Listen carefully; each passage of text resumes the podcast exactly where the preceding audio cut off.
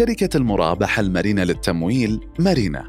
حلول مالية رقمية مرنة في كل شيء.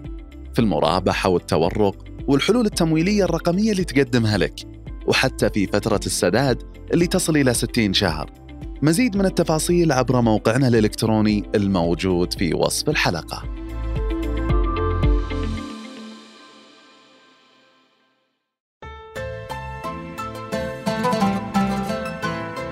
يا هلا والله. في بودكاست الغرفة راح نقابل علامات تجارية من حياتنا اليومية. نجلسكم معهم حتى نسمع التجربة اللي ما راح تلقاها بجوجل. نتكلم عن الضيف ثم العلامة ثم استشارة.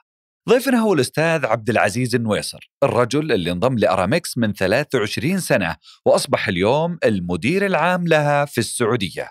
العلامة هي أرامكس شركة النقل العربية اللي تأسست من 40 سنة وتعتبر السعودية أكبر أسواقها.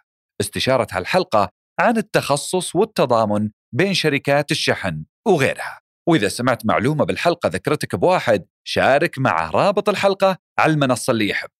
هذه الحلقة برعاية مرنة حلول مالية رقمية. حياك الله أبو تركي. يا هلا وسهلا أبو خالد يا هلا. وسهلا. خلينا نرجع العام 98 كنت طالب في الثانوي دخلت أرامكس بديت كموظف استقبال وكنت السعودي الوحيد. رجعنا لذيك الأيام.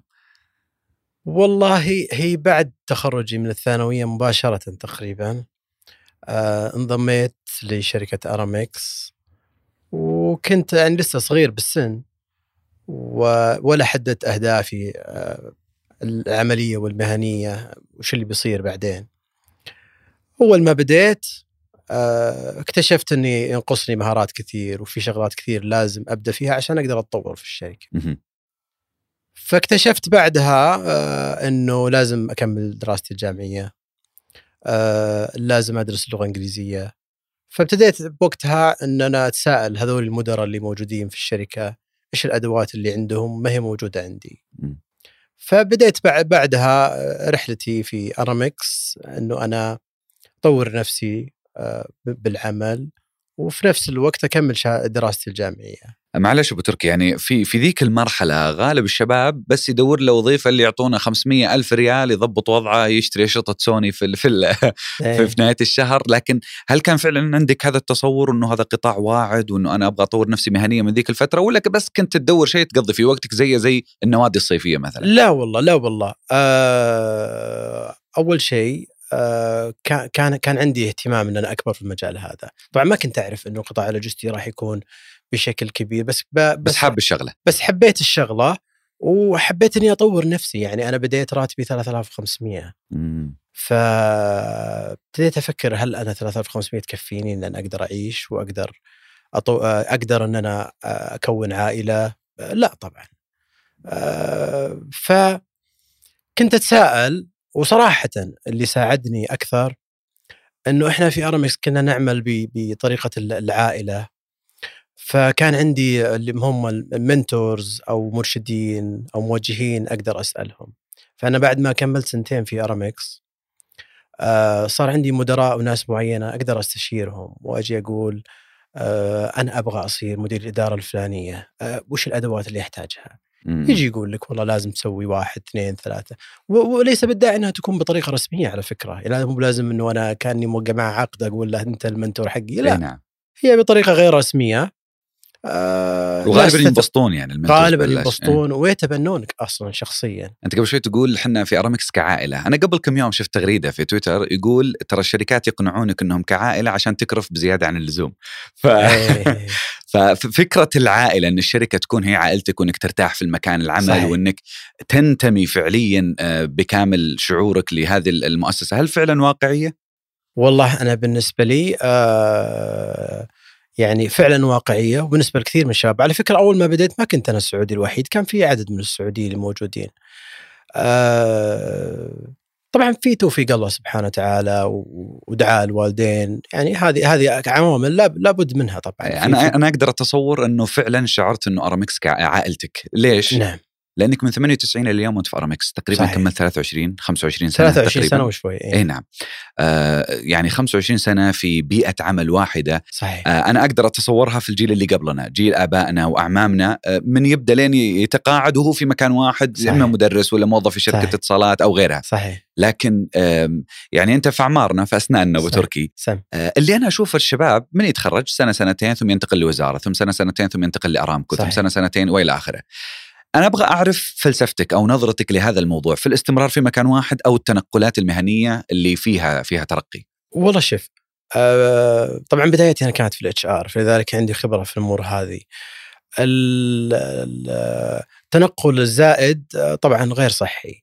ولا أنتقد طبعا التنقل بالعكس في ناس تنقلت واكتسبت خبرات متعددة وفي الأخير صار عندهم مهارات قوية جدا. لأن برضو التنقل من شركة لشركة له فوائد.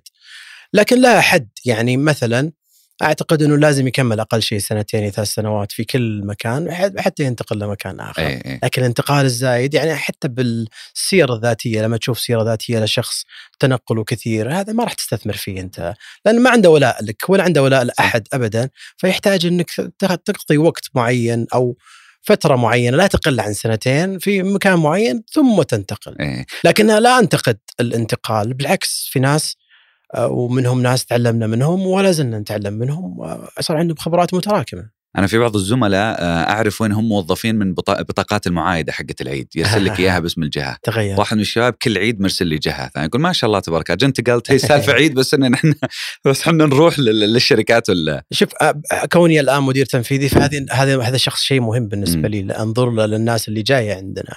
فالتنقل أشوفه متنقل بشكل كبير. ما تقدر تبني معه مستقبل. ما أقدر أبني معاه مستقبل لأن أنا أبغى ابني جيل. لما أبغى أبني جيل قادم لأن إحنا في الأخير ما راح نستمر. إحنا لنا دور سنقوم فيه تجاه المكان اللي إحنا فيه وبعدين في جيل آخر حيستلم. الجيل هذا القادم إذا ما كان عنده ولاء ولا كان عنده رغبة للبقاء آه، في المكان اللي أنت فيه خصوصا إذا احتضنته طبعا. بدون إهمال طبعا خذ احتضنته فالمفروض إنه يستمر معي جميل. علي؟ 2007 آه، استثمر وبنى فيكم فادي فادي غندور. صحيح. آه، أخذ من كل دولة واحد حتى يحضروا لمرحلة قادمة. صحيح. أنت تقريبا استلمت الرئاسة التنفيذية أو الإدارة العامة لأرامكس السعودية في 2017 صحيح. لكن الرحلة بدأت من 2007 والله لا قبلها. أنا طبعا ب 2001 طلعت لأمريكا ولولايه أوريغون الأمريكية بورت مدينة بورتلاند قعدت فيها سنة كملت برنامج اللغة. وبعدها بفترة طب تركت كل شيء يعني. رحت تفرغت تفرغ كامل وكملت برنامج اللغة في أمريكا. آه، في 2004 تخرجت من الجامعة. بعدين 2007 ابتدت رحلتي مع أرامكس تكون بشكل جدي إن أنا راح أتطور في أرامكس. فإذا حابب اني أعطيك آه، طبعاً. صورة أفضل. طبعا كان آه، مؤسس رئيس الشركة له نظرة إنه لازم نطور جيل قادم في ارامكس فصار فيه زي الخطة آه، تطويرية لكل اشخاص معينة في الشركة من كل دولة.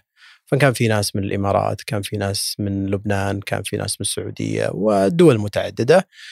آه، تم التعاون مع الجامعة الأمريكية في بيروت إنه نبغى هذول الناس نبغى نطور لهم ونبغى نعطيهم برنامج تنفيذي آه، في لبنان. فنبغى نبغى نجهز البرنامج هذا. طبعا البرنامج يحتوي على جميع التخصصات اللي هي المالية والتسويق وإدارة التغيير.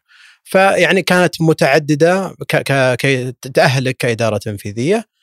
آه انضميت أنا البرنامج باختيار من فادي غندور كتجهيز منه لجيل قادم بالسعودية والدول الأخرى فكنا مجموعة. مم. فالمجموعة هذه لا زالت موجودة برضو في أرامكس.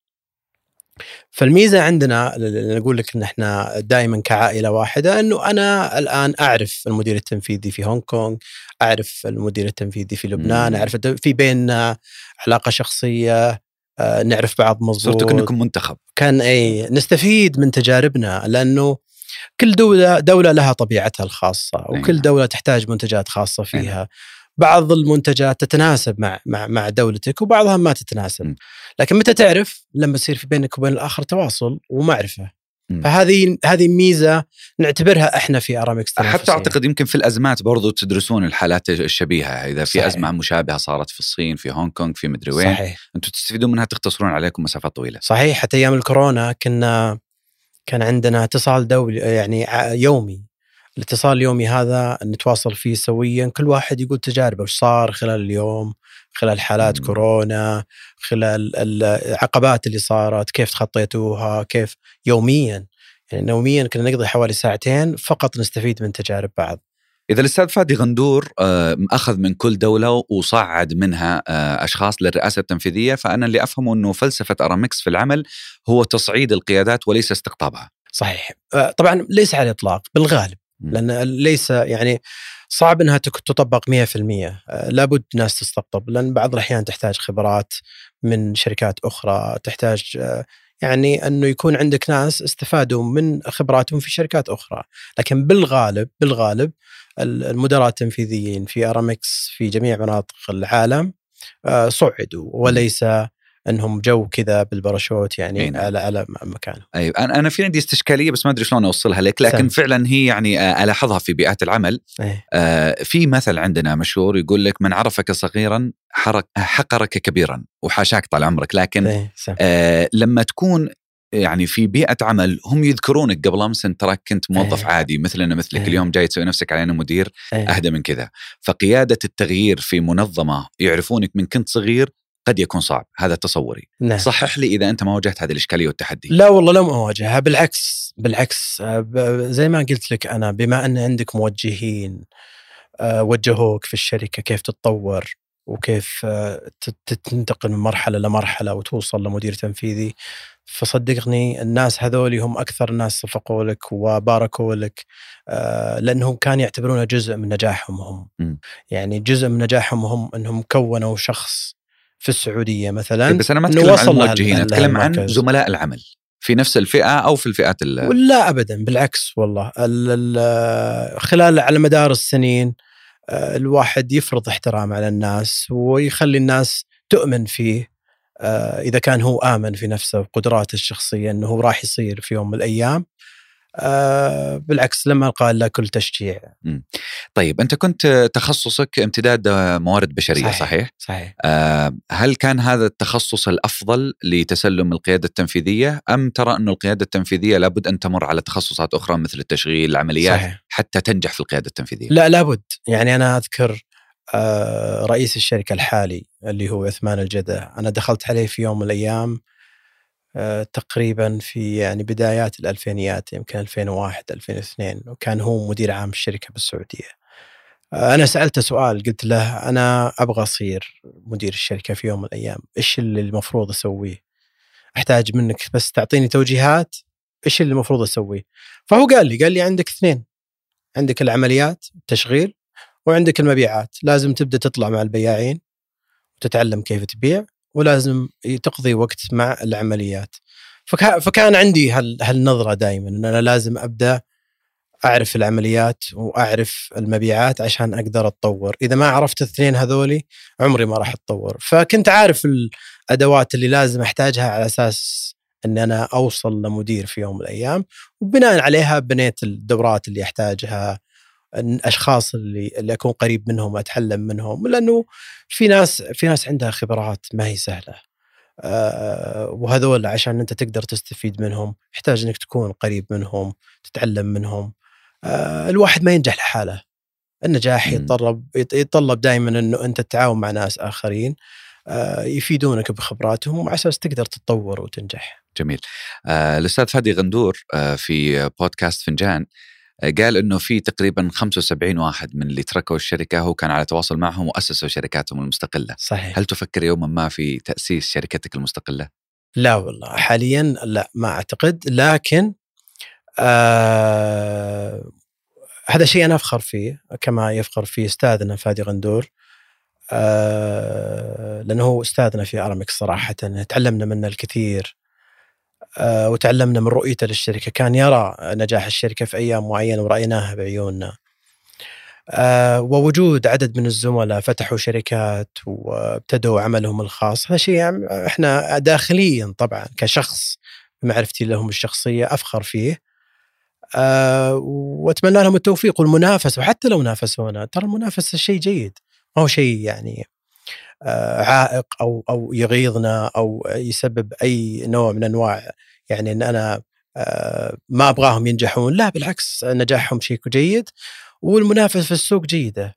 آه، لأنها تبني آه، مناف... المنافسة تبني إنك تقدر تطور خدماتك سواء التقنية أو الموارد البشرية. فهي شيء جيد وبالعكس أتمنى لهم كل التوفيق إن شاء الله. جميل. أنا خليني أنتقل لتجربه القطاع والعلامة التجارية، لكن قبل أن ندخل في العلامة التجارية لازم نفهم القطاع نفسه، قطاع النقل واللوجستيات والخدمات اللوجستية في المملكة العربية السعودية. في عندنا مؤشر الأداء اللوجستي كمؤشر عام لتطور المملكة العربية السعودية صحيح. في هذا المجال. أنا ودي بس تعطيني نظرة عامة عن تموضع المملكة في خدمات اللوجستية سواء داخليا أو حتى خارجيا كمنصه عالميه. ممتاز. بداية خلينا نعرف الخدمات اللوجستية، يعني الخدمات اللوجستية هي آه، إدارة عملية تدفق البضائع من منطقة المصدر إلى منطقة الاستهلاك لوصولها للمستهلك النهائي. فخلال الفترة هذه تنتقل من مرحلة الميل الأول إلى الميل الأخير حتى تصل للمستهلك النهائي. آه المملكة آه ولله الحمد ومن ضمن الرؤية كان من ضمن أهم أهداف الرؤية الانتقال من رقم 55 في العالم إلى أفضل عشر آه اقتصادات في العالم من ناحية مؤشر الخدمات اللوجستية. فلذلك كان نصب عينها التطور في الخدمات اللوجستية. فلذلك ترى ندلب و آه، وزارة النقل لديها حراك كبير في مجال الخدمات اللوجستية. وحنا أكيد بالتأكيد حنرى قفزات كبيرة في مؤشر الأداء اللوجستي. طبعا إذا حكينا عن مؤشر الأداء اللوجستي في له عناصر مهمة. طبعا إذا إذا تبغى نرجع ورا على مؤشر الأداء اللوجستي آه هو من قبل البنك الدولي. البنك الدولي من عام 2007 بدأ بقياس الأداء الخدمات اللوجستية في الدول. وبناء عليها يطلع مؤشر مؤشر هذا تقيس عليه الدول تقدم الخدمات اللوجستية لديها. طبعا له عناصر مهمة. آه، أهمها اللي هي البنية التحتية الجمارك آه، الوقت المستغرق لوصول الشحنات سهولة وصول الشحنات آه، جودة الخدمات اللوجستية القدرة على تعقب الشحنات لحتى وصولها للمستهلك النهائي فهذه العناصر الستة هي أهم العناصر اللي يقاس عليها المؤشر الخدمات اللوجستية. فلذلك ترى مثلا الآن مبادرة الجمارك التخليص خلال ساعتين هذا حراك حكومي حراك حكومي في سبب في سبيل تحقيق هدف معين. آه ولله الحمد آه ندلب ووزاره النقل طوروا كثير من الخدمات الخاصه خاصة باللوجستيك لحد ما نوصل لمراكز متقدمة، طبعا إذا بتقيسها عالميا عندك ألمانيا هي هي الأول دائما في الخدمات اللوجستية وخليجيا عندك الإمارات. آه، لكن أنا متأكد جدا جدا انه إحنا راح نحقق هدفنا بالوصول لافضل عشر دول بالخدمات اللوجستيه. أه وأنت قاعد تجيب قاعد أحاول أستشف من سؤالك هل حنا لسه في بداية الطريق ولا أكملنا تقريبا جزء كبير من التشريعات والتنظيمات؟ يعني هل حنا خلاص تقريبا جاهزين بس المسألة مسألة وقت؟ والله لا زال في بعض التشريعات آه، يعني مثلا إحنا كشركة آه، نقل سريع كنا سابقا تابعين للبريد كمشرع. بعدين انتقلنا إلى هيئة الاتصالات ثم الآن انتقلنا لهيئة النقل. وهذا شيء إيجابي لأنه إحنا حتى بالغرف التجارية لما لما كنا نناقش كلجان بالغرفة التجارية اللجنة الوطنية أو لجنة الرياض أو غيرها كان يهمنا أنه إحنا كلنا نكون تحت مظلة واحدة والمظلة الواحدة لما تكون أنت تحت مظلة واحدة فمن السهل أنك توجيهك لتحقيق هدف. لأن أنت إذا كنت تحت مظلة قطاعات مختلفة يعني أنت آه، فأنت صعب توجيهك لهدف واحد. الآن كلنا الحمد لله صرنا تحت وزارة النقل والخدمات اللوجستية. فصار من السهل توجيه القطاع لتحقيق أهداف معينة. فهذا شيء إيجابي وهذه هذا شيء تأخر تغير مؤخرا بالانتقال إلى وزارة النقل. فالتشريعات قاعد تتغير بسرعة. يعني ما ما أعتقد إن التشريعات عائق. وإحنا في طريقنا لتحقيق الهدف واعتقد وأعتقد متأكد إن إحنا حنحقق الهدف هذا إن شاء الله. بإذن الله. أه وجود سبل حاليا البريد السعودي وهو جاهز ينهض وعندهم البنية التحتية وأنا أعتقد إنكم ترون سبل كعملاق عملاق ربما كان نائما في فترة من الفترات الآن آه قام وبياكل السوق. فهل وجود سبل بالنسبة لكم آه مقلق؟ هل وجود سبل كمنافس آه تابع للحكومة يأكل من حصة القطاع الخاص والشركات الأصغر؟ لا لا ابدا. بالعكس يسعدنا تطور آه سبل و والسوق كبير ويتسع للجميع ولله الحمد آه، ما ما واجهنا أي مشاكل من ناحية آه، سبل في سواء في المنافسة مع العملاء أو مع الجهات الحكومية. كنا سابقا بالسابق غير راضين عن تواجد سبل لما كانت هي المشرع والمنافس في نفس الوقت.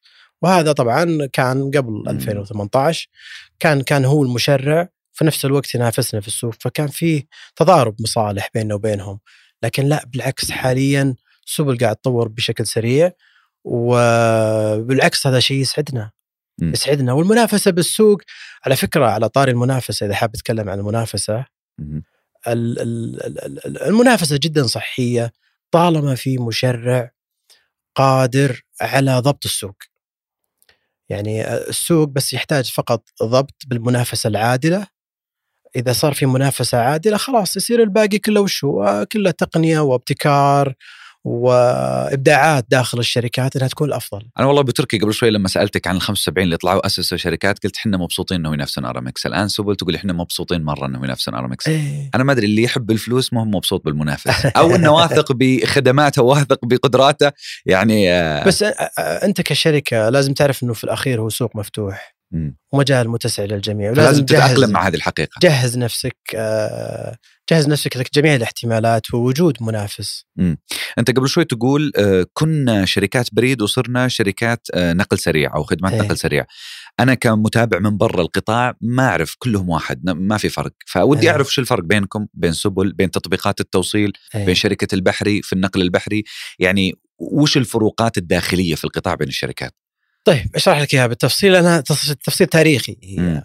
كان سابقا لما كنا تابعين للبريد السعودي يعني كمشرع. آه كانت تصاريحنا مكتوب فيها نقل الطرود الغير بريدية. فكان غير مسموح لنا كشركات ان إحنا ننقل تحت ال 35 كيلو. طبعا هذا على الورق بس بالواقع كانت كل الشركات تنقل كل شيء.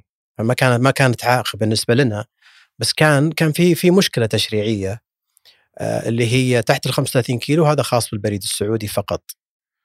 وليس خاص بالشركات الأخرى فكان الترخيص تبعنا آه، ينص على إنه إحنا شركات نقل الطرود غير البريدية.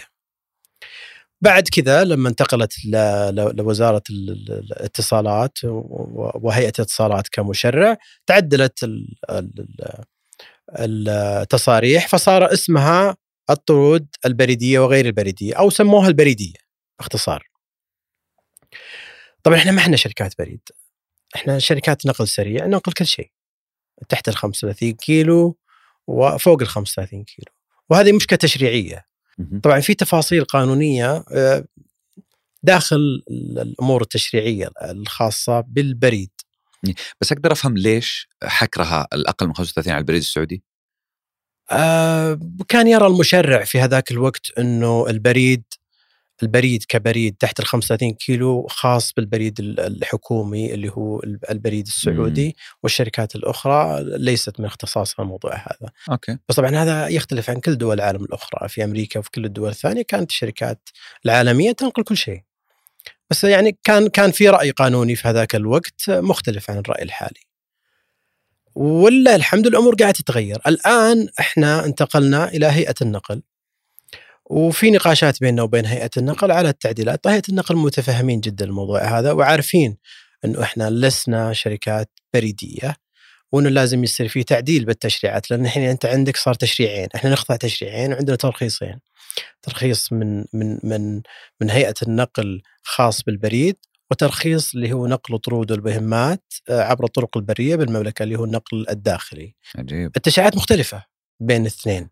لكن إحنا نخضع الاثنين السؤال إحنا نخضع متضاربة لو في جزئية بسيطة. في في بعض التضاربات الخاصة بالمسؤوليات مسؤولية المستهلك المسؤولية القانونية، المسؤولية المالية وتفاصيل أخرى. طبعا هيئة النقل متأكد جدا إن خلال الفترة القادمة آه، حتغير التشريعات هذه التشريعات هذه بحيث إنها توحد وأعتقد إنها قريبا حتنحل بس لا زالت مشكلة تشريعية موجودة بس حتنحل إن شاء الله. طيب. آه، يعني من المشاكل برضو آه، دائما اللي نعاني منها في السعودية أنا أتذكر على مدى عشر سنوات إنه يعني الوصول للمستهلك أو الوصول للعميل غير مجهز من ناحية البنية التحتية، أتكلم الآن عن العنوان الوطني، أي. مشروع أطلق قبل أربع خمس سنوات. آم، هو مشروع جبار، لكن لما سولفت لك عنه قلت لي هو مشروع جبار ولكن صحيح ما كأنكم مستفيدين منه. صحيح إحنا كنا نشكي إنه في الولايات المتحدة الأمريكية ما شاء الله تبارك الله من سطرين ثلاثة لعنوان العميل توصل له direct توصل لغرفته، صحيح لكن عندنا تضيع وتلف وتدور وتدور الدور فهو أي طابق وأي شقة وأي آه، فلة. صحيح ليش ما أنتم مستفيدين من العنوان الوطني؟ والله شوف العنوان الوطني زي ما تفضلت مشروع جبار مشروع رائع وكلنا ندعمه يعني حتى آه، لما تواصل معنا البريد السعودي بخصوص حملة إعلانية مشتركة أنه إحنا ندخل فيها لتبني العنوان الوطني. كنا أول الشركات المبادرة في الموضوع هذا ودخلنا معهم في حملة كبيرة جدا لتشجيع الناس أنها تستخدم العنوان الوطني. خصوصا بعد ما ظهر العنوان الوطني المختصر. يعني العنوان الوطني كان طويل آه، الآن العنوان الوطني المختصر يعني أهون من العنوان السابق وبالإمكان أنك تكتبه بطريقة أسهل. لكن مشكلة العنوان الوطني آه إنه لازم يتبناه الطرف الآخر اللي هو المستهلك،. يعني أنت ك أنت كشخص أنت هل تحفظ العنوان الوطني ما الخاص احفظه؟ بس موجود انسخ من الملاحظات. تنسخ الملاحظات. آه متى متى اضطريت إنك تستخدمه؟ لما كان عندك استخدامات في إبشر أو شيء صح. يعني حطيتها، لكن بعد كذا استخدمته ما استخدمته، استخداماتك بسيطة له. اللي صاير إنه المستهلكين نفسهم ما يحطون العنوان الوطني في آه، بعثهم الخاصة فيهم إلا ما قل. طبعا لو نحسب النسبة الناس اللي تحطها حاليا حوالي ال 5% حتى الآن 5% فقط من المستهلكين 5%. يستخدمون العنوان الوطني. المستهلكين طبعا اللي يتعاملون معنا أنا ما لا نعم. أعلم عن الشركات الأخرى لكن يتعاملون معنا 5% اللي يضطرون وعلى فكرة بعض كثير من المواقع الإلكترونية آه لا تجبرك إنك تحط العنوان الوطني، تعطيك الخيار تحط العنوان الوطني أو تحط شيء مختصر، ليش؟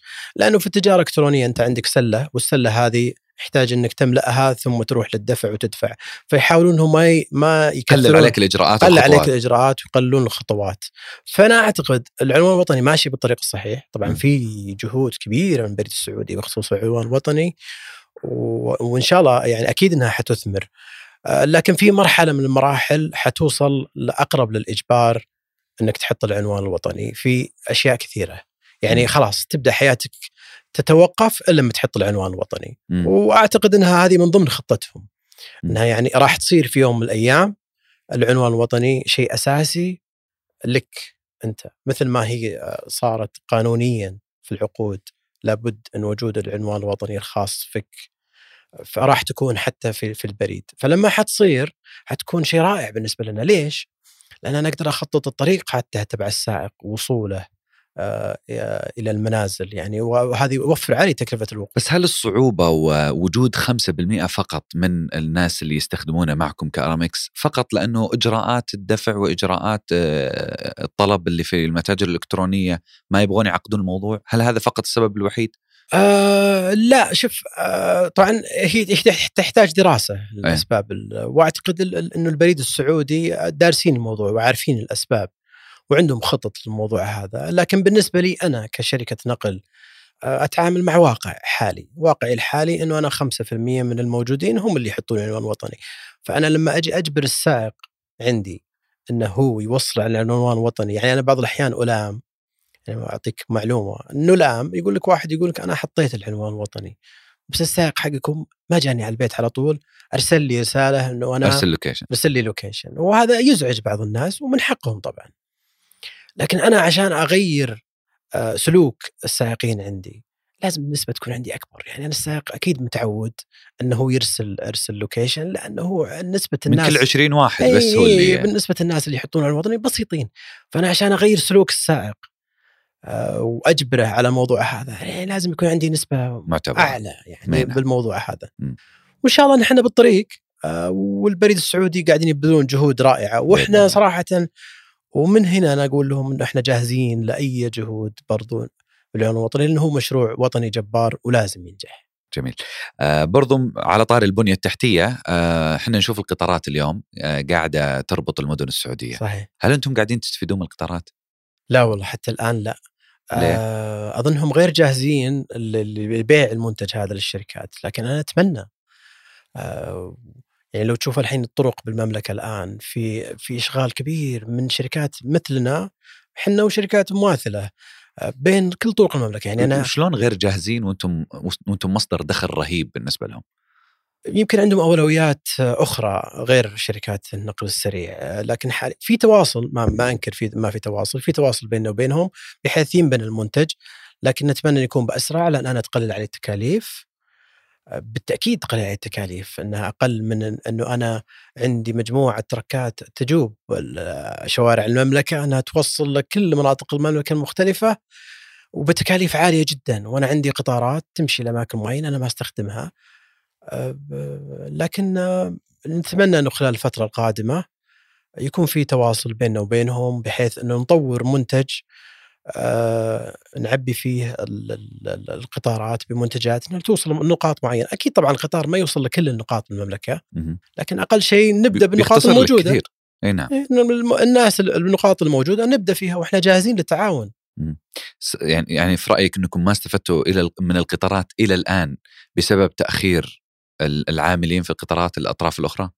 آه ليس بسبب تاخيرهم آه أظن عندهم أولويات هم يعني. هم الآن بدأوا بالتشغيل وتشغيلهم على بعض المناطق جديد وتشغيل ياخذ وقت لنجاحه في بعض المناطق آه يمكن بنوا منتجات لشركات أخرى آه لكن بالنسبة لنا كشركات نقل سريع آه حتى الآن لم يبنى المنتج هذا لاستخدام القطار بشكل فعال لتقليل طيب أجل بإذن الله يعني يسمعون منكم ونرى بإذن الله ارامكس على ارامكس وغيرها من الشركات آه، على قطارات المملكة قريبا. بالتأكيد آه خلينا ندخل جوا ارامكس آه يعني تشغيليا داخل أرامكس يعني أنا أتذكر لما كنا ندرس في الجامعة آه جينا على آه آه، مادة في سلاسل الإمداد صحيح وكان الدكتور آه، يشرح لنا ويقول إذا تعلمتوا ال pricing strategy أو استراتيجيات التسعير لشركات الطيران فكل ال- ال- الشركات والقطاعات الأخرى سهلة عليكم.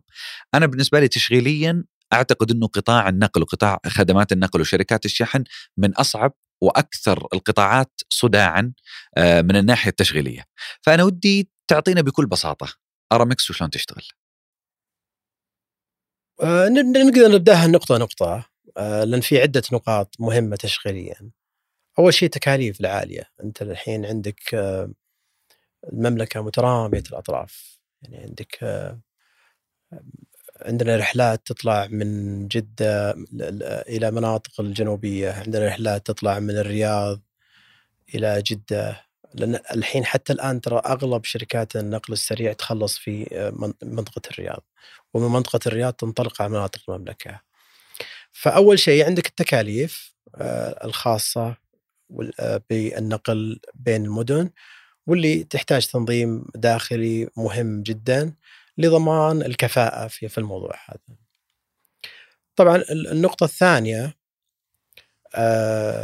عندك اللي هي نقطة التنظيم اللوجستي. بمعنى آه، الحركة المرورية آه، في أوقات توقف الشاحنات بين المدن. لأنه الآن في مناطق المملكة في أوقات معينة توقف فيها الشاحنات آه، ولا تقدر تدخل المدن. آه، فهذه لازم تقدر تحسبها وتحسب تكاليفها وتحسب كيف طريقة دخولها. آه، هيئة النقل حاليا تعمل على نظام بحيث يسمح للشاحنات الخاصة بالشركات الدخول في آه، وقت المنع. آه، لكن النظام لسه ما بعد اكتمل بشكل كامل 100% بحيث إن نقدر ندخل فحتى الآن المنع موجود. فأنت تحتاج إنك تنظم آه، نفسك وسائقينك على إنها راح توقف على أطراف المدن في أوقات معينة لحد ما تدخل. آه، طبعا من أهم الأشياء كمان العوامل الطبيعية لما يصير في أمطار لما يصير في أي شيء ممكن يعيق آه، وصول السائقين هي تحتاج إدارة كبيرة آه، تهتم بالتفاصيل هذه. عندك التأخير ال- ال- اللوجستي يعني في حال صار مع السائق أي حوادث أو أو تأخير في إيصاله لل- للشحنة لأسباب معينة هاي تحتاج إدارة تتأكد من كفاءة ال- ال- الموضوع هذا ووصولها بالشكل المناسب. ففي تفاصيل كثيرة جدا آه، تدخل في ال- في الموضوع هذه وتدخل في موضوع الصعوبات. بس أنا أبغاك تعطينا سر المهنة. يعني شلون تشتغل أرامكس؟ كيف قادرين إنكم تقللون التكاليف وترفعون الجودة وتحسنون الخدمة؟ يعني وين الأماكن اللي مسببت لكم صداع وهدر تشغيلي إن صحت التسمية؟ طبعا الهدر التشغيلي أهم شيء فيه طبعا تكاليف الوقود والتحكم في حركة السائقين، يعني كل سائق له حركة معينة ينتقل من نقطة لنقطة. هذه تحتاج آه، شخص متخصص آه، يهندسها بطريقة معينة تأكد إنه ما في هدر من ناحية الوقود. وهذه من أهم من أهم الأشياء اللي نحن نهتم فيها. الشغلة الأخرى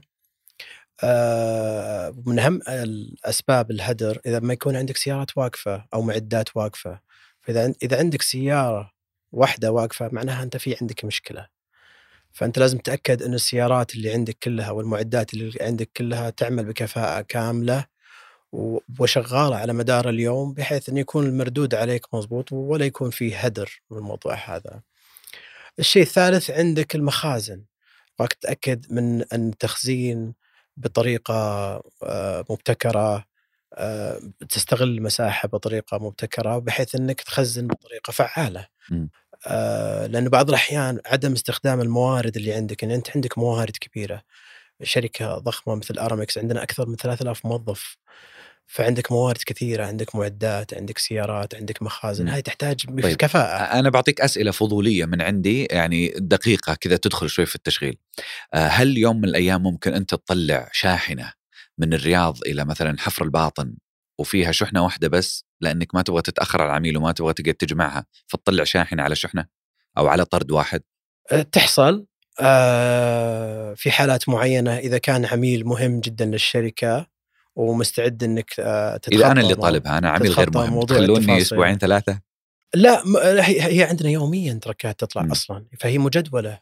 اوريدي يعني موجودة ومجدولة فما ما عندك مشكلة في الموضوع هذه ما راح يكون فيها تأخير لأنها أصلا هي مجدولة من ضمن خطة العمل آه، الخاصة فينا. آه بالنسبة للهدر إذا نرجع للهدر طبعا في شغلات خاصة بالابتكار والتقنية وهي شغلة مهمة جدا جدا جدا الابتكار ممكن يكون من ثلاث أطراف. يعني أول شيء في ابتكار داخلي عندك أنت تبتكر وتطور بحيث يكون عندك كفاءة عالية. ال- ال- ال- الطرف الآخر اللي هو عميلك ممكن يكون عنده ابتكار آه، بحيث إنه يكون بكفاءة أعلى. يعني مثلا أنا عملائي الآن البنوك. عملاء السفارات. آه، عندي عدد معين من الشحنات كتشغيليا أسلمها يوميا. حاليا البنوك آه، راح تستغني قريبا عن البطاقات البلاستيكية. صح ولا لا؟ صح. يعني واضح إنه في الطريق حتستغني عن البطاقات البلاستيكية. الشيء الآخر عندك السفارات، السفارات الاتحاد الأوروبي أعلن قبل فترة بسيطة أنه التأشيرة حتصير رقمية، ما عاد يحتاج إنك ترسل جوازك ويختم عليه من السفارة. فأنت عندك عميلين مهمين بنوك وسفارات خلال السنوات القادمة حتختفي. ما عاد- راح تحتاج النقل. فصار في ابتكار من من من طرف عميلك راح يتسبب في نقص ال- ال- ال- ال- ال demand اللي عندك. ما راح يصير عندك طلب. فسؤال عندك الان يفرض على نفسك تشغيليا؟ هل أنت جهزت نفسك؟ لأن أنت عندك موارد ضخمة. الموارد هذه انبنت على قدرة تشغيلية معينة. فلازم تجهز نفسك من الآن إنه. هذا راح يطلع منك. إي نعم طيب عطني؟ ابتكارات من عندكم أنتم داخليا يعني بالنسبة لي الشغلة سهلة تاخذ الطرد وتوصله لل- للجهة يعني وين وين تبتكر وش ممكن تسوي طيب أنا هذه يدخلنا لتفاصيل أخرى خاصة بالتجاره الالكترونيه، التجارة الإلكترونية فيها موسمية. مم. الموسمية معناها أنت كشركة نقل لازم تكبر وتصغر بناء على الموسم، ما تقدر تحط عندك تكاليف ثابتة مستمرة. التكاليف الثابته مستمرة معناها أنت في نهاية السنة حتطلع خسران. فلذلك لازم يكون عندك ابتكار في كيف إنك تكبر في أوقات المواسم.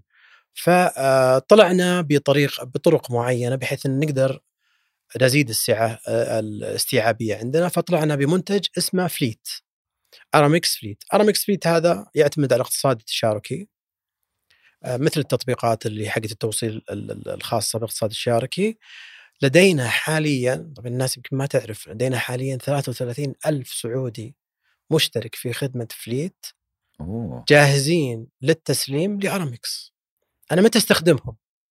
أنا أستخدمهم في أوقات المواسم بشكل أكبر. طبعا أستخدمهم آه، خلال أوقات غير المواسم عشان أخلي المنتج حي وموجود وجاهز لاستقبالي. لكن في المواسم أعتمد عليهم بشكل كبير لأن أنا عندي تكلفة ثابتة من ناحية ال- العاملين وعندي شركات مشغلة برقم اثنين شركات مشغلة أتعاون معاها في المواسم. بحيث أني أستفيد منها. رقم ثلاثة الجيش الهائل هذا اللي هم خدمة فليت اللي هم أستخدمهم في أوقات المواسم بحيث أني أوصل لكل الشريحة الكبيرة هذه. لما تنتهي المواسم أرجع أنا أصغر بطريقة معينة بحيث أني أسيطر على تكاليفي لأن ما في موسم. الموسمية طبعا محددة معروفة رمضان نهاية السنة. هذه أهم موسمين في السنة. رمضان وتخفيضات نهاية السنة اللي هي توجد في الدول الأوروبية وأمريكا بتنعكس علينا لأنه الحين صار في عندك جيل آه، جديد موجود قاعد يتابع كل شيء يحصل في لو في تخفيضات في. في ولاية معينة في أمريكا يدري عنها إيه بس ال ال 33 ألف بالنسبة لهم مش المغري إنهم يشتغلون معكم مؤقتا المغري بالنسبة لهم دخل إضافي أنا أقلل شروطي بالنسبة لي عن عن تطبيقات اللي هي موجودة. يعني يشترطون موديلات معينة أنا أقلل شروطي بحيث أني أجذب شريحة معينة. غير قادرة أنها تجيب لها تجيب آه، دخل إضافي آه، بشروط أقل. و- وغي- بن- بن- إضافة إلى ذلك والأهم في الموضوع هذا أنك أنت بعض الأحيان تكون أنت ساكن بالحي. فأنا بالنسبة لي أنا يهمني إنك تكون ساكن بالحي أكثر من إنك تكون ساكن بعيد، ليش؟ لأنه في اقتصاد التشاركي لما يكون ال- ال- ال- المسافة أقل معناها أنا راح تكلفني أنت أقل. فأنا ما راح أوديك السلي ولا منطقة بعيدة عشان تروح تاخذ شحنة وتروح توصلها لواحد في حي الياسمين، فأنت عندك مشوار رايح ومشوار جاي فحتكلفني تكاليف عالية. فأنا في في فليت حدرس الموضوع وحتأكد انك بعطيك شيء توصله لحارتك تروح لأقرب فرع لأرامكس في منطقه الياسمين تم تاخذه وتسلمه له. بالنسبة لك شيء سهل مم. انك أنت قاعد توصل لمنطقتك اللي أنت تعرفها جيدا مم. طيب ال- قبل شوي أنت تكلمت عن التجارة الإلكترونية وكنا نتكلم عن التشغيل، خليني بعطيك حالة مزدوجة زي ما إيه. سالتك قبل شوي عن الطرد الوحيد في الشاحنة. لو عندنا مثلا طرد من أبها متجر في أبها بيرسل الواحد في تبوك، وش الرحلة اللي يمر فيها في أرامكس؟ من أبها التبوك إلى أبعد نقطتين في السعودية. إلى تبوك. آه، من أبها إلى تبوك تطلع من أبها إلى مركز فرز العمليات في جدة. ومن جدة تطلع إلى تبوك. كم هذه؟ هذه رحلتها التشغيلية. آه، يوم ونص. يوم ونص وهي واصلة. أسرع طرد وصلتوه بحياتكم في أرامكس. ال- اللي ما يعرف الجميع إنه كل الخدمات موجودة عندنا. يعني أنا أنا عندي استعداد إني أوصل خلال ساعتين أو خلال ساعة. إذا الطرف هذه الخدمة. نقدم هذه الخدمة. إذا الطرف الآخر طلبها مني أنا أقدمها. كثير من الناس تعتقد إنه ارامكس لأن الناس دائما تربطها في تطبيقات الأكل آه، تطبيقات اللي هي تطلب منها من المطعم وتوصل. لا إحنا طريقتنا بالعمل مختلفة بشكل جذري. يعني أنا بالنسبة لي أنا عندي عقد مع عميل آخر سواء العميل هذا عالمي أو موجود في السعودية.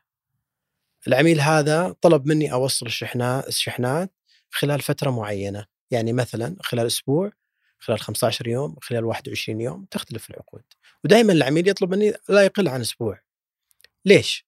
لأن أقل تكلفة بالنسبة له. وبالنسبة لي أنا أقدر أقيسها على قدرتي التشغيلية اليومية.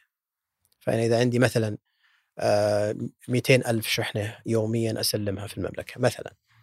فأنا آه، أشوف قدرتي التشغيلية اليومية أقيس على كل يوم أحط قدرة معينة أني أسلمها للعميل هذا. واضح. لكن الناس تعتقد أنه أنا هذه الخدمة الوحيدة اللي موجودة عندي. لا أنا جميع الخدمات موجودة عندي. أنا مستعد أوصلها خلال ساعة خلال نفس اليوم خلال اليوم الثاني. لكن كل كل سلعة ثمن. فأنت مم. لازم تدفع لي الثمن ال- ال- ثمن وصولها للطرف الآخر بالطريقة هذه. آه، يعني اللي أفهم منك ومن كلامك المتكرر سواء عن فليت 33000 أو حتى عن هذه الخدمة إنه في عندكم خدمات كثيرة أرامكس متنوعة ما هي بخدمة وحيدة لكن ما في حد قاعد يطلبها. صحيح امم لسبب انت تتكلم عن تجارة إلكترونية بشكل محدد أوكي آه، وليس عن الشركة بشكل عام. إذا إذا حكينا عن الشركة بشكل عام فهي مستخدمة يعني فبشكل فهي مستخدمة وكذا إيه. إيه. الناس عرفتنا بالميل الأخير أو بالتجارة الإلكترونية لها ارتباط بالمستهلك النهائي لكن نحن عندنا خدمات أخرى يعني عندنا الشحن الجوي عندنا خدمات ال logistic والتخزين عندنا خدمات التوصيل السريع الدولي عندنا خدمات التوصيل الداخلي كلها موجودة مم. وأغلبها ليس على لا له على ما له علاقة بالتجارة الإلكترونية مم. الناس عرفت أرامكس ك brand لأنه ارتبط في الشركة اللي قاعد توصل له من المتاجر من وجه الاستهلاك الفردي لكن ما يعرفون الجانب الفردي. الآخر من صحيح. في ال B2B صحيح طيب أنتم من من يعني بديتوا وأنتم آم، قرينين ل أو عفوا من بدأت التجارة الإلكترونية وأنتم قرينين لها. أرامكس تجارة إلكترونية. صحيح. آه ومن بعد كورونا الوضع تغير كثير. وتولدت شركات مرة كثير. يعني كل يوم يومين نشوف سواء شاحنات في الطرق أو حتى نشوف إعلانات في ال social media عن شركة نقل وتوصيل سريع وكل واحدة تعطي خدماتها وكل واحدة تعطي صحيح. ميزاتها التنافسية. أنتم كأرامكس وش تغير عليكم بعد كورونا؟ وش ميزاتكم التنافسية اللي تقدر تما يعني خلينا نقول تنافس فيها في السوق اليوم؟ صحيح. آه طبعا في تغير كبير من ناحية التجارة الإلكترونية قبل وبعد كورونا. آه أهمها الدفع عند الاستلام. الدفع عند الاستلام كان قبل كورونا كان يمثل تقريبا بالنسبة لعملنا حوالي 70% مم. دفع عند الاستلام. تتفردون بهذه الميزة أنتم. إيه. لا آه، من سنوات طويلة وشركات أخرى كانت تقدمها. تفردنا فيه في سنوات معينة لأن إحنا بدأنا الخدمة هذه. أول ناس بدأ الخدمة هذه إحنا بدأناها في المنطقة. بعدها جاء شركات منافسة لأنه مش سهل تطبيقها. إذا ناس قدرت تضبط ال- ال- الكاش اللي هو المتدفق للشركة ومفروعها الم- ال- إلى إليها آه، ففي شركات كثيرة قدمت الخدمة هذه. إحنا في ارامكس بعد بعد كورونا صار العكس. صار الآن ال- ال- ال- الدفع عند الاستلام حوالي 30% 20% قل. ليش؟ لأنه خلال الكورونا صار في دفع حكومي واهتمام بعدم حمل الكاش ما عاد في ناس الناس ما عاد تحب حمل الكاش وكانوا جت فترة كانوا يقولون إنه ممكن ينقل ال- الكورونا آه، فما ما يحتاج إنك تسلم كاش. فهذه جت خير لأنه النقد ما كان شيء جيد للتجارة الإلكترونية. كان وجود وجوده كان شيء مخاطرة. كان مخاطرة علينا وحتى على المستهلك ولا كان شيء شيء جيد في في التجارة الإلكترونية. فبدأ هذا بعد الكورونا ينتهي. طبعا الشغلات اللي إحنا أدركناها بعد الكورونا أهمية التوزع الجغرافي لفروعنا. فطلعنا بعدة منتجات داخلية يعني إحنا كنا قبل الكورونا حوالي 60 فرع آه، في مناطق المملكة. بعد الكورونا أنا عندي الآن أكثر من 600 نقطة استلام ما شاء الله. للعملاء. منها 300 فرع خاصة بأرامكس منها 160 صناديق للاستلام ومنها شيء نسميه إحنا سبوت بمعنى وهذه من خلال المكان هذه هي دعوة لأي شخص آه، راغب إنه يتعاون معنا. في ناس عندها مقاهي محلات آه، بقالات عندها رغبة إنها تطلع دخل إضافي. أنا ما عندي مشكلة تعاون معه كمنطقة تسليم. ليش؟ لأن أنا اكتشفت إنه وإحنا كشركة عفوا آه، آرامكس اكتشفنا إنه إحنا لازم نكون قريبين من العميل لأن فيها تقليل من التكلفة علينا وفيها آه، أفضلية من العميل، العميل يفضل قرب المكان له للاستلام وحتى حنا السائق تبعنا لما يحب يسلم مكان لمكان يكون المنطقة قريبة قريب فأقل تكلفة علينا إي نعم فأقل تكلفة علينا آه يعني إحنا كنا نتكلم مع واحدة من شركات التمويل في واحدة من الحلقات واطرحت عليه هذا السؤال لأن أعتقد إنه ينطبق بشكل كبير على شركات الشحن، دائم مغضوب عليهم العملاء ودائم زعلانين عليكم ودائما رضا العميل بالنسبة لكم صعب إنك تحقق رضا لأنه يعتقد إنك لو جبتها له من بكرة هو كان يعتقد إنك لازم تجيبها له اليوم. آه لو مثلا حتى في توقيت أثناء اليوم آه كان ينتظرك الساعة 9 جيته 9 ونص هو جدا زعلان منك. إيه. فكيف قادرين تديرون مزاج ورضا العملاء في شغلتكم الصعبة ذي؟ والله شوف إحنا يعني خطينا خطوات آه، يعني انتقلنا من مراحل بدايات التجارة الإلكترونية، إذا تبغاني أشرح لك بدايات. التجارة الإلكترونية، إحنا كنا في ارامكس في بداية الألفينيات عام 2000 2001 كان عندنا شيء اسمه الكتالوج. كان في شيء اسمه ال JCPenney، تعرف ال JCPenney، ال JCPenney يجي كتالوج الكتالوج هذا تطلع عليه وتختار تقول أبغى القطعة ذي أبغى القطعة ذي وإحنا نجيبها له من أمريكا آه، لحد ما توصل السعودي. مم. بعدين تطورت الخدمة صارت اسمها Ship the World Ship the World صارت الواحد يقدر يجي يقول والله أنا أبغاك تروح لي للمتجر الفلاني في لندن تشتريه لي وترسله لي على السعودية. بس لازم تجي المكتب وتجي تقول لي أنا أبغى أشتري القطعة ذي ونروح نشتري له بناء على رسوم معينة. طورت الخدمة بعدين لحد ما وصلت لشيء اسمه Shop and Ship. Shop and Ship حاليا مملوكة لارامكس من هذاك الوقت تقدم خدمات آه، صناديق بريد في أكثر من 26 دولة. 26 دولة هذول تقدر أنت تشتري منها منتجات وكأنك آه، ساكن فيها. يعني أنا أعطيك عنوان أو بريد كأنك ساكن في تايلاند في بانكوك تقدر تشتري من بانكوك المنتجات اللي تبغاها لأن أغلب المنتجات المحلية ما ترسل شيء محلي ما ترسل دوري. فترسل للصندوق هذا بعدين ترسل لارامكس اللي أنا أبغى أوصل له إنه إحنا اكتسبنا اكتسبنا يعني بدينا تجارة إلكترونية من أولها حتى الآن. لذلك اكتسبنا خبرة وتعلمنا لأن إحنا كنا في بداياتنا إحنا كشركات. كنا شركات ترى B2C كنا نتعامل مع شركات ما كنا نتعامل مع أفراد. فإحنا كان الأفراد كان شيء جديد علينا تعلمناه تدريجيا تعلمنا كيف نقدر نتعامل التعامل مع الفرد يختلف عن التعامل مع الشركة. التعامل مع الفرد آه، يحتاج طريقة تسويقية مختلفة يحتاج آه، قنوات مختلفة سواء طب. قنوات اتصال أو قنوات آه، رقمية. أي نعم. فهذه كلها تعلمناها وتطورنا لحد ما وصلنا للوقت الحالي. فأعتقد أنا إنه اللي كان يصير ب 2018 19 من استياء من العميل أو ذولي هو بالضبط الآن- أنا كان سؤالي ملغوم ابتدى. ترى على اللي قاعد يصير يعني أي قبل. نذكر قبل فترة في السوشيال ميديا انتشرت مقاطع آه، قريب من العيد إنه. أرامكس جابوا العيد صحيح. آه، زعلانين الناس وانتشرت المقاطع في السوشيال ميديا وتهشتقتوا والحالة حالة صحيح وش سويتوا في ذاك الوقت؟ كيف عالجتوا الموضوع؟ أول شيء أقول خليني أقول لك شو اللي صار. اللي اللي صار إنه طبعا في التجاره الالكترونيه في آه، موسمية والموسمية هذه أهمها رمضان ونهاية السنة زي ما قلنا. في 20 رمضان في عام 2019 في حملة إعلانية لأحد أكبر المتاجر اللي تعمل معنا نجحت. بمعنى صار عنده طلب وتوهقتوا فيه وهو توهقتوا في نجاحه بعطيك التفاصيل الآن.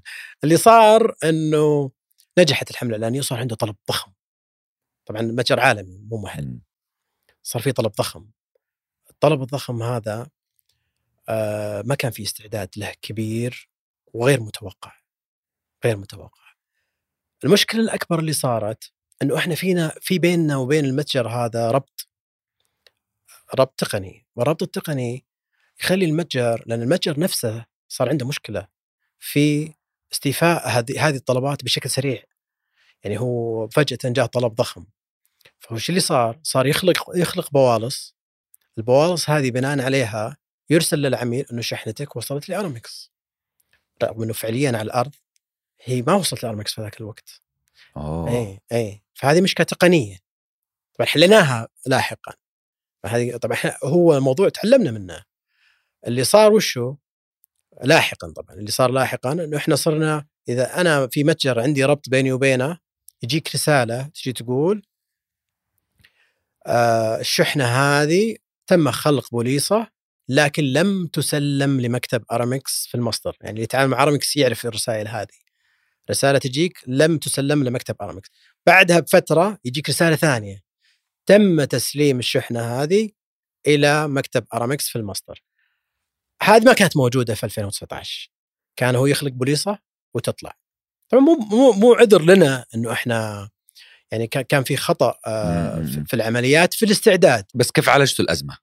علاج الأزمة هذاك الوقت كان في تجمع كبير في فرع جدة فرع جدة آه، كان من ضمن الأخطاء اللي إحنا تعلمنا منها آه، إنه إحنا ما كان عندنا إلا فرع واحد رئيسي وكان توجه الناس كلها على الفرع هذا وصادفت في هذاك الوقت على أول عشر الأواخر حتى مركز اتصال عندنا صار في تعطل بالاتصالات يعني صار في تعطل بالناس اللي تتصل علينا صار مح... يعني ما يرد ما ي... ما يرد التليفون فصار في حالة ذعر مم. فناس بأعداد كبيرة توجهت للمكتب تبعنا. و أول شيء سويناه إنه إحنا جبنا شركة لإدارة الحشود. أدارة حشود نعم كانت تعمل بملاعب كرة القدم وعندهم خبرة في إدارة الناس.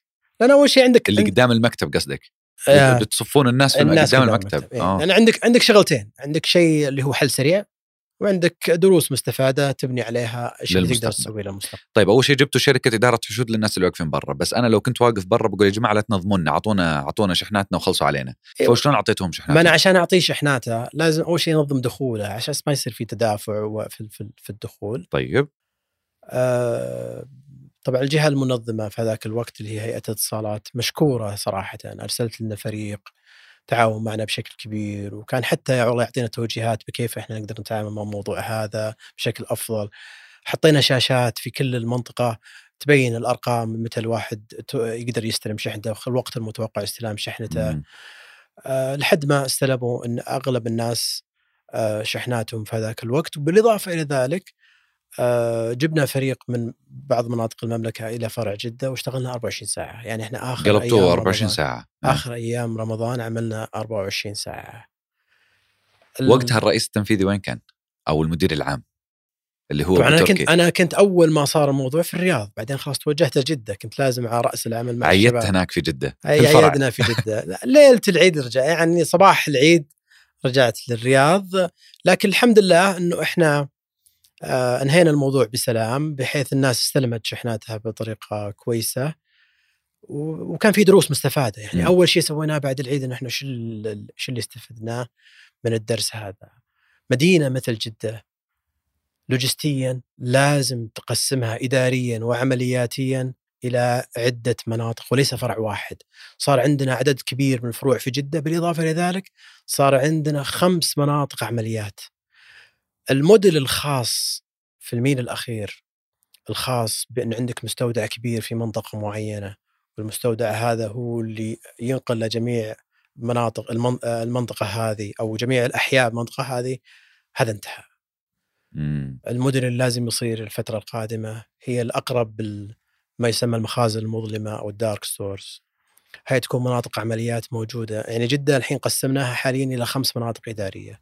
كل منطقة فيها منطقة عمليات منطقة العمليات هذه ينطلق منها السائقين لأقرب نقطة في آه، مدينة جدة. فاللي صار إنه أنت صرت أقرب للعميل صرت توصل له بشكل أسرع والعمليات جنبه وحتى لو حب إنه يستلم أنت قريب منه.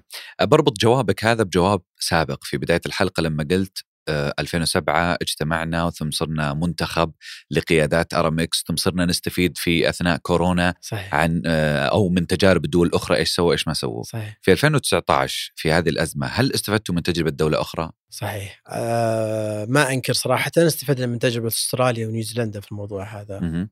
أستراليا ونيوزيلندا عندهم ال- الموديل هذا الخاص في المناطقية وال dark stores والمخازن المظلمة في كل منطقة فتلاقيهم دولة أستراليا تلاقيها مقسمة إلى مناطق صغيرة صغيرة صغيرة جدا. وحتى عندهم المناطق هذه لتقليل التكاليف ما تكون تابعة لارامكس نفسها. تكون ناس آه، وكلاء يشتغلون معاهم في كل منطقة. وعندهم طريقة لربط المناطق هذه ببعض آه، بحيث إنه توصل لكل منطقه وتتسلم وكل واحد يكون متحمس كأنها ال business العائلي مم. يعني أنت كل كل منطقة يكون فيها نعم. business عائلي خاص في ارامكس brand تلاقيه مثلا ارامكس بس هو فعليا مملوك لعائلة العائلة هاي تلاقيها متحمسة الأبناء يشتغلون وعندهم عاملين هم يسلمون الشحنات في المنطقة هذه فمقسمه إلى مناطق صغيرة آه، المناطق هذه كل منطقة توصل لأهل منطقتها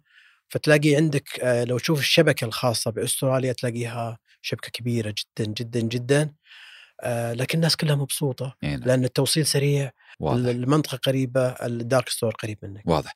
آه وأنت تتكلم قبل شوي عن 33 ألف خلينا نسميهم freelancers أو مش موظفين رسميين في أرامكس آه نتكلم الآن عن نموذج أنه التعاون مع الأسر المحلية. آه هذا ما يزيد عندك مخاطرة السيفتي أو مخاطرة المخاطرة ب آه مثلا الطرود الثمينة أو المفقودات أو شيء معين زي كذا. كيف تديرون المخاطرة في؟ أول شيء بالنسبة للذهب والنقد والطرود الثمينة إحنا غير مصرح لنا بنقلها فشركات النقل السريع لا تنقلها فعندنا حدود معينة في القيمة. الشيء الآخر طبعا حيكون عندك هامش من المخاطرة بالتأكيد بس يصير عندك إدارة جودة تهتم بالتفاصيل بشكل يومي والتواصل مع المندوبين بالموضوع هذا. وبالأخير تطلع مربحة. بالأخير تطلع آه، مربحة ومفيدة للطرفين. جميل. آه لو بنتكلم عن المستقبل قبل لا أروح للاستشارات آه أنتم في مدينة الملك عبد الله الاقتصادية أظن بديتوا توصلون بالدرون. إحنا ما نشوفها إلا بمقاطع اليوتيوب ترى. إيه. آه كيف التجربة كانت ومتى تعمم على كل المملكة؟ شوف اللي أحب أوضحه إحنا بدينا في عمان وبدينا في الإمارات. وكنا جاهزين نبدأ بالسعودية بدينا التواصل مع وزارة النقل والخدمات اللوجستية ومشكورين ما قصروا صراحة ربطونا مع مدينة الملك عبد الله الاقتصادية وإدارتها ورحبوا جدا بالفكرة. وحنا حاليا لس لم نبدأ على الأرض بشكل آه، نهائي لكننا جاهزين. وخلال الشهر القادم راح تبدأ الدرونز والسيارات ذاتية القيادة العمل بمدينة الملك عبد الله الاقتصادية. وإن شاء الله ترونها قريبا. بإذن الله. بس وش المستقبل لقطاع النقل؟ المستقبل إن شاء الله مشرق آه، بدعم حكومي واضح وتوجه حكومي واضح. إحنا نمر حاليا بمرحلة جدا مهمة وهي صراحة سهولة وصولك للمسؤول الحكومي. ومن خلال الغرف التجارية إحنا بالغرف التجارية كإعضاء في اللجنة الوطنية واللجان الأخرى آه، نجد صوتنا مسموع دائما من غرف من من الجهات الحكومية ولو طلبنا اجتماع. وحتى كانت في السابق كنا نقول والله التشريعات ماني قديم في القطاع فكنا نقول التشريعات هذه صعب تغييرها وهذا صعب تغييره. الآن ما في شيء صعب. مع وجود هدف واضح ورؤية واضحة. بحكم إنك جبت طاري الغرفة وأنت عملت في اللجان لجان الغرفة وش الجدوى والنتيجة اللي أنت قاعد تشوفها من عمل الغرف خصوصا فيما يتعلق بالتشريعات؟ أنت قلت قبل شوي عندنا ترخيصين ونعمل على تشريعات من جهتين. آه الغرفة وش قاعدة تسوي في تحسين هذا القطاع وفي نقل المملكة العربية السعودية كمنصة لوجستية عالمية؟ أنتم كقطاع خاص وش قاعدين تسوون؟ اللي صاير حاليا طبعا الغرفة اللجنة الوطنية برئاسة آه، مهندس خالد البواردي آه، وهو رجل فاضل وتعلمنا منه الكثير صراحة. آه، عملنا على خطة لوجستية مفصلة بكيف نطور القطاع ونطور جميع الجوانب الخاصة بالقطاع وبناء عليها بدأنا اجتماعات مع الجهات الحكومية لتعديل في التشريعات ومحاولة ضم القطاع ليكون تحت مظلة واحدة وهي وزارة النقل. لقينا تجاوب كبير من معالي وزير النقل المهندس صالح الجاسر وأصحاب معالي الوزراء لحد ما وصلنا إلى تطوير كبير في القطاع، فالغرف آه، قامت وتقوم حاليا بدور فعال جدا بإيصال صوت القطاع الخاص للمسؤول الحكومي وزي ما قلت لك ما إن إحنا في مرحلة ذهبية آه، اللي تحتاج فقط عمل جاد صادق يرغب بتحقيق شيء آه، من قبل سواء الموظف القطاع الخاص أو إدارة القطاع الخاص والموظف الحكومي وهذا شيء موجود حاليا نعم. وش تذكر ملف عملتوا عليه في آه، الغرفة وشعرت إنه في تقدم ملحوظ قاعد يصير في الملف يعني نتيجة لفضل الله عز وجل ثم عملكم في الغرفة؟ والله كان في ملف مهم جدا اللي هي عملنا مع هيئة الإحصاء آه، جلسنا مع هيئة الإحصاء وطلبنا منهم آه، حصر للجهات اللوجستية وما يسمى بال logistic لأن مفهوم ال logistic مفهوم مطاطي يعني ينطبق على قطاعات كثيرة وفي ناس آه، تطلق على نفسها شركات لوجستية وهي لا تندرج وفي شركات لوجستية لا لا نعتبرها شركات لوجستية. فأول شيء قمنا فيه في الغرفة اللي هو تعريف اللوجستيك والخدمات اللوجستية والخدمات اللي تندرج تحتها مثل النقل السريع الميل الأخير والجمارك والموانئ وجميع النشاطات هذه. فقمنا بحصرها وبناء عليها قمنا بالتواصل مع هيئة الإحصاء وقلنا لهم نبغاكم تطلعوا لنا القطاعات هذه كيف نقدر نضمها تحت مظلة واحدة كيف نقدر نعرف من هو اللوجستي ومن هو الغير لوجستي فقمنا مع بالعمل مع هيئة الإحصاء على إحصاء الموضوع هذا وتعريف متكامل اللوجستي جميل. واللي قامت مشكورة وزارة التجارة لاحقا باعتماده في آه، تعريف الشركات اللوجستية جميل وش سويتوا للمجتمع؟ في شركة أرامكس؟ نعم والله إحنا بالنسبة للاستدامة هو شيء مهم جدا في ارامكس وانبنى معانا مع مؤسس الشركة فادي غندور لأن هو مهتم شخصيا بالموضوع هذا في بداياته وحاليا ما له علاقة بالشركة بما أنه طلع من مجلس الإدارة ومن رئاسة الشركة ومن ملكية الشركة. لكن انبنى عندنا مفهوم الاستدامة وأهميتها للمجتمع والتواصل مع المجتمعات لأن إحنا نتعامل مع مجتمعات مختلفة. في المجتمع الإماراتي، المجتمع السعودي، مجتمع دول مختلفة، فأنت عشان تقدر تتواصل مع المجتمع بشكل أفضل آه وتقدم شيء للمجتمع لازم تقدم مبادرات هل في مبادرات؟ إيه، كان في مبادرة خاصة فينا قدمناها آه للرياضة والرياضيين آه حيث وقعنا عقد مع صاحب سمو الملكي الامير نواف بن فيصل بن فهد في عام 2012 وقمنا بتجهيز منصات ذوي الاحتياجات الخاصة في ثلاث. ملاعب بالمملكه كانت إهداء من أرامكس آه، إلى اخواننا ذوي الاحتياجات الخاصة بحيث إنهم يستطيعون الاستمتاع بالمباريات كانوا سابقا يجلسون على المضمار وكان مشكلة المضمار في خطورة عليهم انهم ممكن تجي عليهم كورة ممكن مم. تسبب لهم بأي مشاكل في المضمار. فقمنا في ذاك الوقت في بناء منصات خاصة فيهم آه، حددت من آه، هيئة الرياضة وقتها. وبنينا آه، طبعا اسانسيرات بحيث إنهم يستطيعون الوصول. وكان في وقتها قعدنا حوالي سنتين ثلاث سنوات كان في فريق من أرامكس موظفين كانوا يشتغلون كمتطوعين إنهم يستقبلون ذوي الاحتياجات الخاصة يوصلونهم منصة وبعد ما تخلص المباراة يطلعونهم للمنصة. جميل. هذا أحد المبادرات اللي إحنا قمنا فيها اللي هي لا زالت موجودة. ولا كان يهمنا على فكرة إنه إحنا يذكر اسم الشركة بشكل كبير أو إنه إحنا نبرز أنفسنا اعلاميين عملنا وكذا، كان هو شيء صادق إحنا قدمناه بصدق. ونتمنى أنه تكون الفئة الغالية هذه استفادت منه. هذا أحد. المبادرات طبعا فيه جمعيات الأيتام بالمملكة عندنا آه، آه، نتعاون معهم جميعا نعطيهم. آه، مبالغ مادية للشحن والنقل مجانية نعطيهم خصومات خاصة عندنا اجتماعات معاهم في جمعية ترميم بالمنطقة الشرقية إحنا نخزن لهم جميع المعدات الخاصة بالترميم مجانا في مخازن أرامكس. فك- في عندنا كثير من المبادرات ال- جميل. آه أنا أتذكر آه لما سألنا عن التبرعات آه أرامكس آه تقريبا في آه، الزلزال تركيا الأخير آه أظن أغلب الفروع عندكم في في دول العالم جمعوا تبرعات. إلا أنتم في السعودية آه قلت لنا إحنا ما جمعنا تبرعات لأنه في نظام صحيح. عندنا بمنع جمع التبرعات. صحيح. لفت انتباهي وقتها إنه كيف ممكن الرئيس التنفيذي أو كيف يجب على الرئيس التنفيذي إنه ما يكون فقط متخصص في عمله بقد ما هو مستوعب السياسات العامة في البلد، مستوعب إيش اللي قاعد يصير، مستوعب آه، آه، إيش السياق اللي هو قاعد يتحرك فيه، صحيح ف يعني أبغى منك كلمة قبل لا نطلع الاستشارات للرؤساء التنفيذيين في المستقبل إنه إنه هل يجب إنه يفهم ويركز في عمله في تخصصه في قطاعه أم أهم بالنسبة له أن يفهم السياق العام؟ والله شوف السياق العام طبعا مهم وهذه وهذه ال- ال- ال- ال- ال- اللي انبنت عليها ارامكس إنه دائما المناطق مستقلة في قراراتها. فعندنا ال federation structure اللي هو الإقليمية في طريقة الإدارة. فأنت كمدير للسعودية أنت مسؤول عن السوق المحلي اللي أنت فيه. تبني عليه منتجات خاصة فيه تبني عليه سياسات خاصة فيه. ليش؟ لأنك أدرى بما يحصل بالبلد وأعرف بالسياسات الحاصلة بالبلد. لديك طبعا الصلاحية ليست مطلقة في حوكمة أكيد لكن عندك صلاحيات إلى درجة معينة بحيث إنك تصدر قرارات تتوافق مع البلد هذا ومنتجاته وعملائه المميزين اللي هم يختلفون عن عملاء اللي في دول نعم. أخرى، فاستفدنا من بنية الشركة في طريقة إدارتها في التعاون مع الأمور هذه. جميل. خلينا نطلع نسمع الاستشارات. تحية طيبة لبودكاست غرفة الرياض وضيفكم الكريم الأستاذ عبد العزيز النويصر.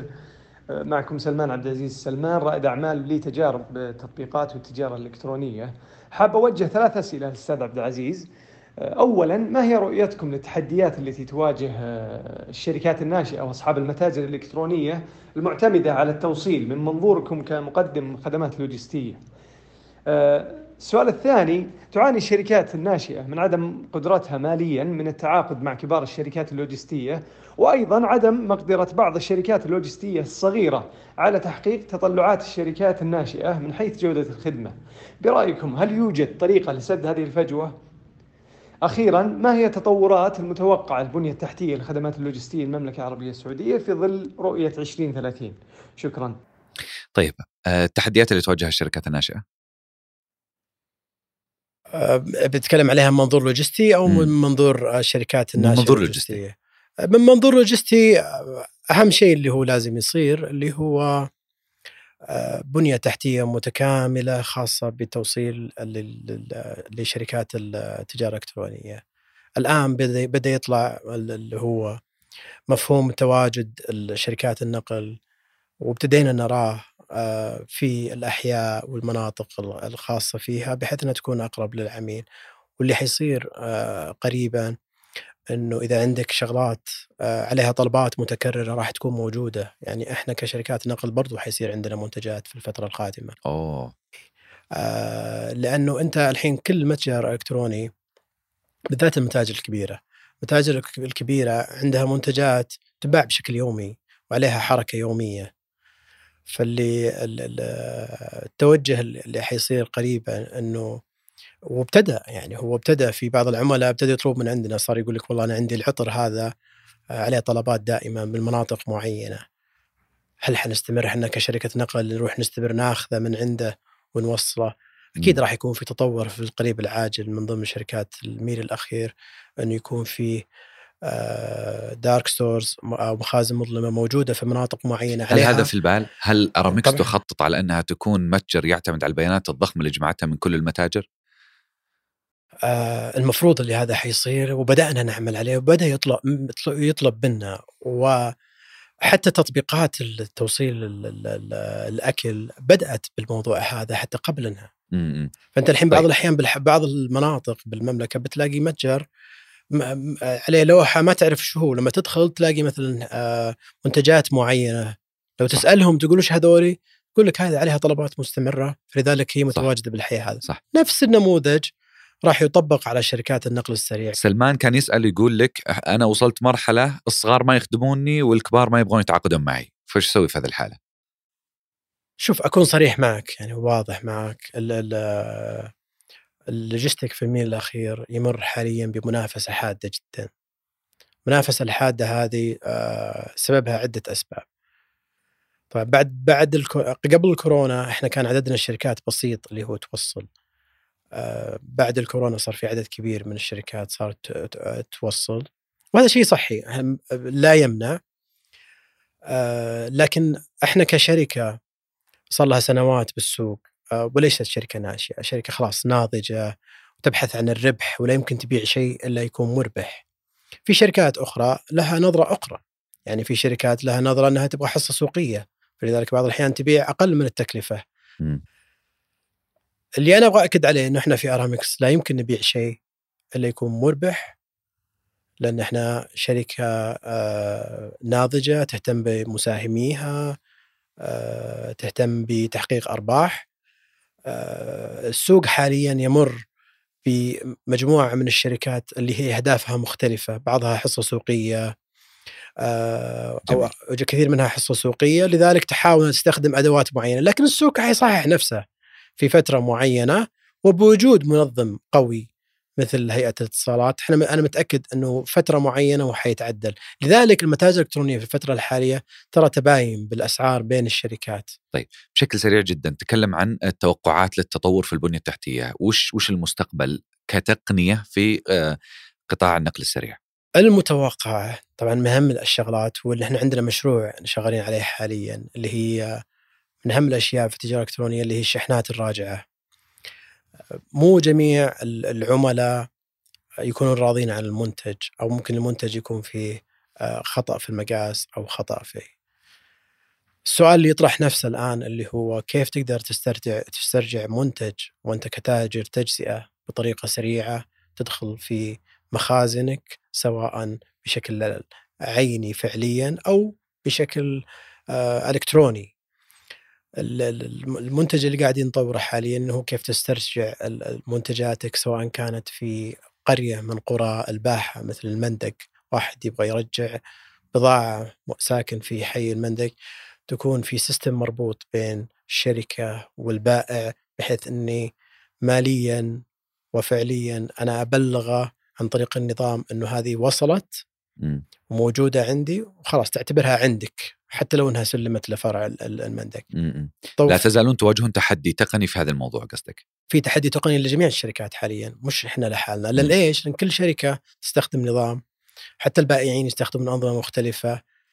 آه، اللي حيصير إنه حيتطور الأنظمة هذه بحيث إنها تتوحد وممكن يكون في بينها ربط معين. لأن مصلحة الجميع إنها تكون مربوطة لأنها التاجر التجزئة يهمه الكاش. بإذن الله. ويهمه وصول البضاعة. واحد من مشاهدين الغرفة إن شاء الله بيطور لكم برنامج آه، تضبطون فيه هذه الأمور ولنا إحنا. بدأنا وحنطلقه قريبا إن شاء الله. خلاص يعني نوقف المشروع اللي عندنا. لا ابدا ابدا. السوق مفتوح للجميع. طيب خلينا نسمع الاستشارة التالية. السلام عليكم ورحمة الله وبركاته. مشعل الجلمود أه، حاب أدخل في مجال التوصيل عبر تطبيقات الجوال. عندي سؤالين. في ظل كثرة التطبيقات هل بالإمكان التخصص في شيء معين؟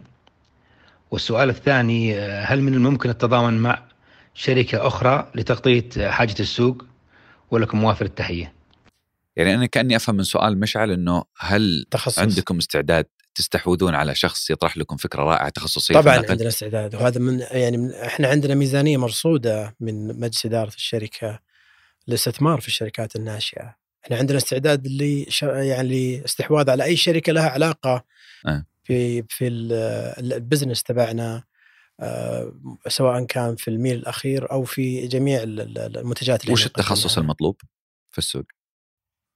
آه، كيف التخصص المطلوب؟ لأن التخصص في آه، تطبيقات التوصيل هو قال تطبيقات التوصيل بس ممكن نوسع. الدائرة لخدمات النقل السريع عندنا بالنسبة وش التخصص اللي تحتاجون إنه نبغى شركة ناشئة تتخصص في هذا الموضوع تثبت نجاحها نستحوذ عليها يعني مثلا المبرد ممكن الشغلات اللي إحنا آه، نطالعها لأنه إحنا آه، لا زال جزء من السيارات الخاصة فينا مبرده لكن لا زالت جزء بسيط في شركات معينة ممكن تكون مخصصة مبرد تنقل الحلويات تنقل الشغلات المتخصصة والأمور هذه ممكن ننظر فيها لأنها شيء فعلا إحنا ينقصنا فإحنا أكيد حنستثمر في شغلات زي كذا بإذن الله.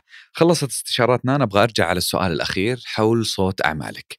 لو قلنا إن صوت أعمالك مسموع كما هو شعار الغرفة دائما، وش ممكن تقول؟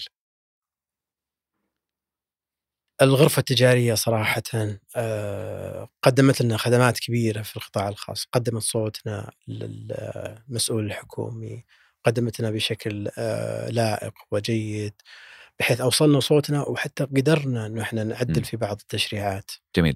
صوتكم وش يقول؟ لما الغرفة أوصلتكم للمسؤولين أو حتى وصلتكم للمنافسين آه، في طاولة واحدة تجتمعون في اللجان أو ايا يكن.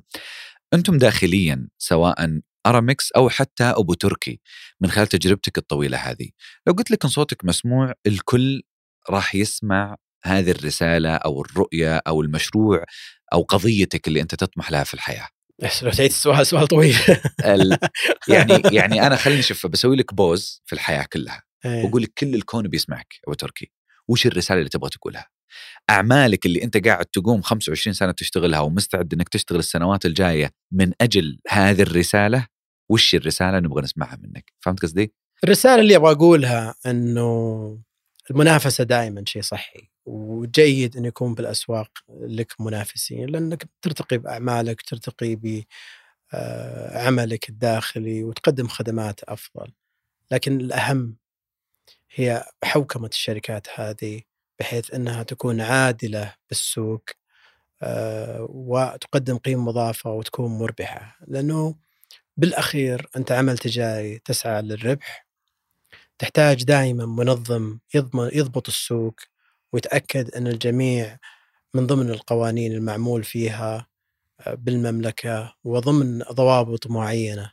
فأهم شيء بالنسبة لنا يعني أهلا بالمنافسة آه، لكن ضبط السوق شيء مهم لاستمرار الشركات لأنه حرام صراحة أنك تلقى شركات ناشئة استثمرت وعندها استعداد تستثمر واستمرار في الأخير تنصدم بعوائق آه، تنافسية من منافسين آه، يحتاجون حوكمة في نظامهم الداخلي بحيث أنه النظام ينطبق على الجميع.